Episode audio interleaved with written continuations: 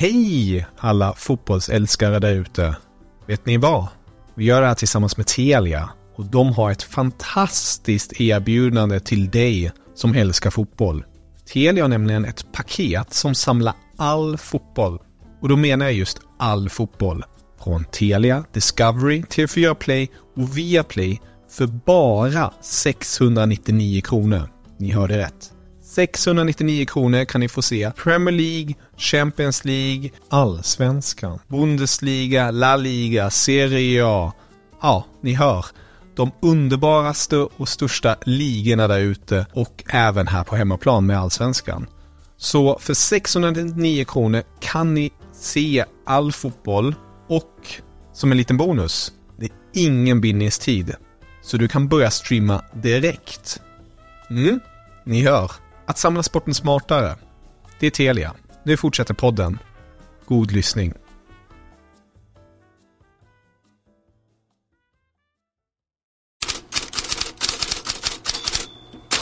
God morgon och så sjöng de på Sportings läktare igen. Viktor Gyökeres.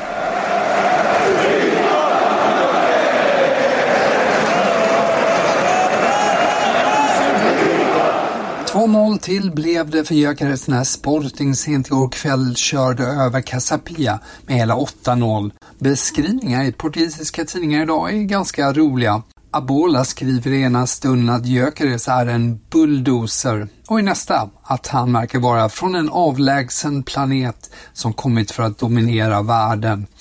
Och Rekord skriver att Gyökeres är en tortyrmaskin från IKEA. Gyökeres har 24 mål på 27 matcher nu.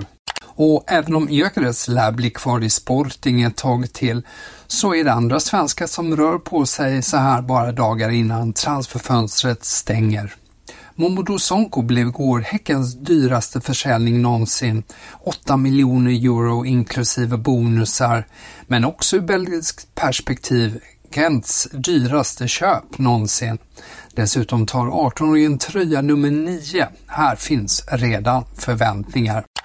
Lika brådskande lär det inte vara för Jonah Kusiasara att leverera, men förväntningarna är ändå höga inför framtiden när aik enligt samstämmiga rapporter är i stort sett klar för Bayern München.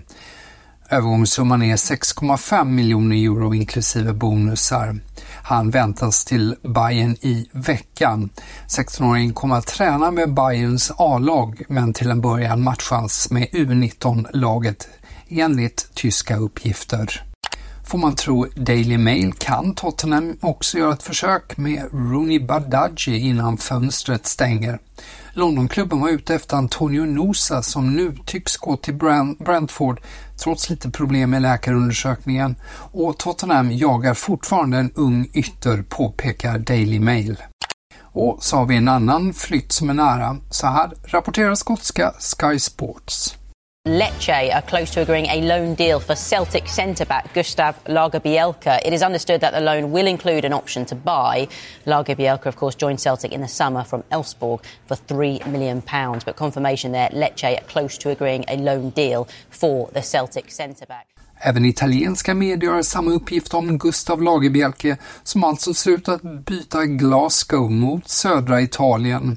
Ja, låter tilltalande på flera plan kan tyckas. Men snackar vi nyheter på Sky Sports och rubriker överlag i Storbritannien så kretsar de på nytt kring Marcus Rashford idag.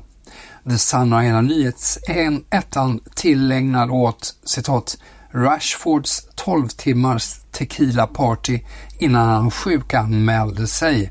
Slutcitat. Och det är inte det enda om Rashford. Lagkamrater uppges också missnöjda med honom. Här Sky Sports som pratar med David Ornstein på The Athletic.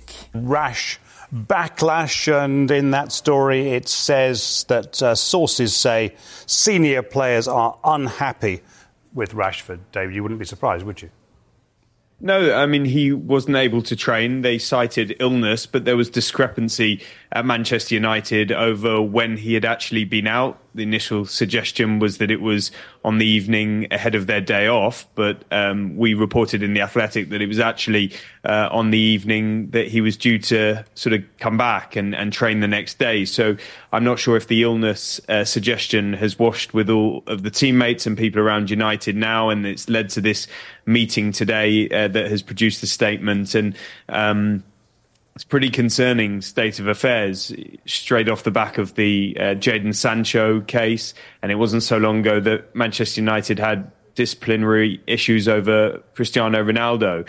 So Ten Hag clearly takes a quite a hardline stance, but already I'm seeing people compare how uh, Ronaldo was made to miss a match, but we're expecting Rashford to be back in um, in contention for selection against Wolves on Thursday. And um, yeah, I mean, we must caveat it with I don't know if there's a problem here, and and and exactly what's going on with Marcus Rashford because uh, you know there, there seem to be a number of incidents now, and, and some of the stories that the the front page of the Sun tomorrow is talking about a sort of um, tequila binge, and when you hear things like that, there's a there's a sort of human and responsibility side of all of this as well, uh, and his welfare. And maybe Manchester United are conscious of that. But certainly on uh, the Chris Wheeler story, it's pointing out the teammates are not particularly happy because the FA Cup is Manchester United's only realistic chance of silverware left this season, and and he was forced to miss that match.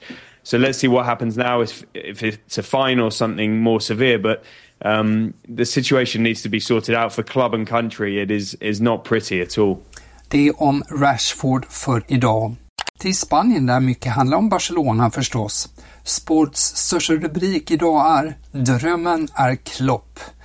Det är det både för Barcelonas president Juan Laporta, skriver tidningen, men också för tidningens läsare som har Liverpool-tränaren som favorit att ersätta Xavi.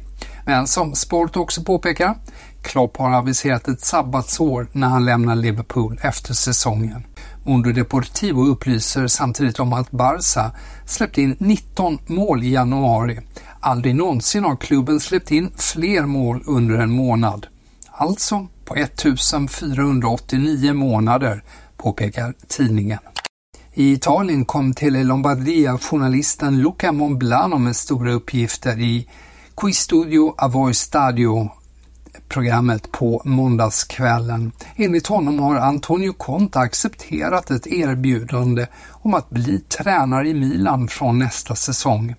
Milans superkonsult Zlatan Ibrahimovic uppges ha varit högst inblandad i samtalen. Conte har ju tagit ledigt från fotbollen sedan han fick sparken hos Tottenham för snart ett år sedan. Men ingen av de stora tidningarna de stora sporttidningarna i Italien har någon uppföljning på detta idag. Chelsea och Manchester United sägs leta anfallare och det ger en del intressanta rubriker.